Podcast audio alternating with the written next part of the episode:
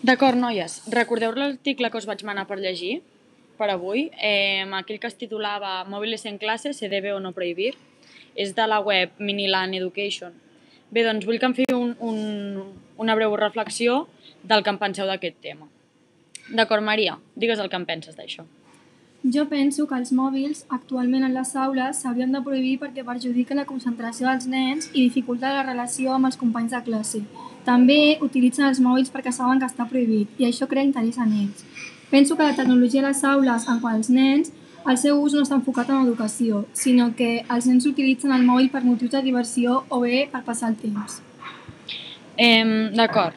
Laura, digues el que en penses. Bé, jo no estic d'acord amb el que ha comentat ara la Maria. Penso que l'ús dels mòbils a les aules pot eh, transformar-se i passar d'utilitzar-lo com a passatemps o per distracció, la qual cosa em sembla que el professorat sí que ha de controlar, a utilitzar-lo útilment. És a dir, crec que els mòbils formen part de les noves tecnologies d'avui en dia i que per tant és important que els professors intentin integrar aquestes tecnologies per crear noves formes d'aprenentatge. Prohibir l'ús del mòbil no ajuda en cap moment a que aquestes noves formes d'ensenyament i d'aprenentatge s'adequin a les noves tecnologies. A més, a classe estem realitzant cada vegada més activitats com ara el Kahoot, que es fan servir mitjançant la tecnologia però que tenen una intenció educativa. Per tant, el que penso és que sí que s'ha d'intentar limitar l'ús d'aquests mòbils, però en cap moment prohibir-lo. Molt bé, mm, molt interessant.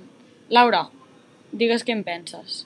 Doncs jo crec que es pot fer un bon ús dels mòbils a l'aula sempre i quan els alumnes tinguin clar per a què l'han de fer servir. Sí que pot ser un dels motius pel qual es distreuen, i molts cops els van servir per passar l'estona, però considero que tampoc s'han de prohibir, ja que són una font d'informació molt útil pels alumnes. Molt bé, penso el mateix que tu. Cada vegada més s'està intentant donar més visibilitat als recursos educatius digitals i per tant el mòbil és una eina molt adient per fer possibles aquestes activitats. Gràcies per llegir-vos l'article i per les vostres aportacions.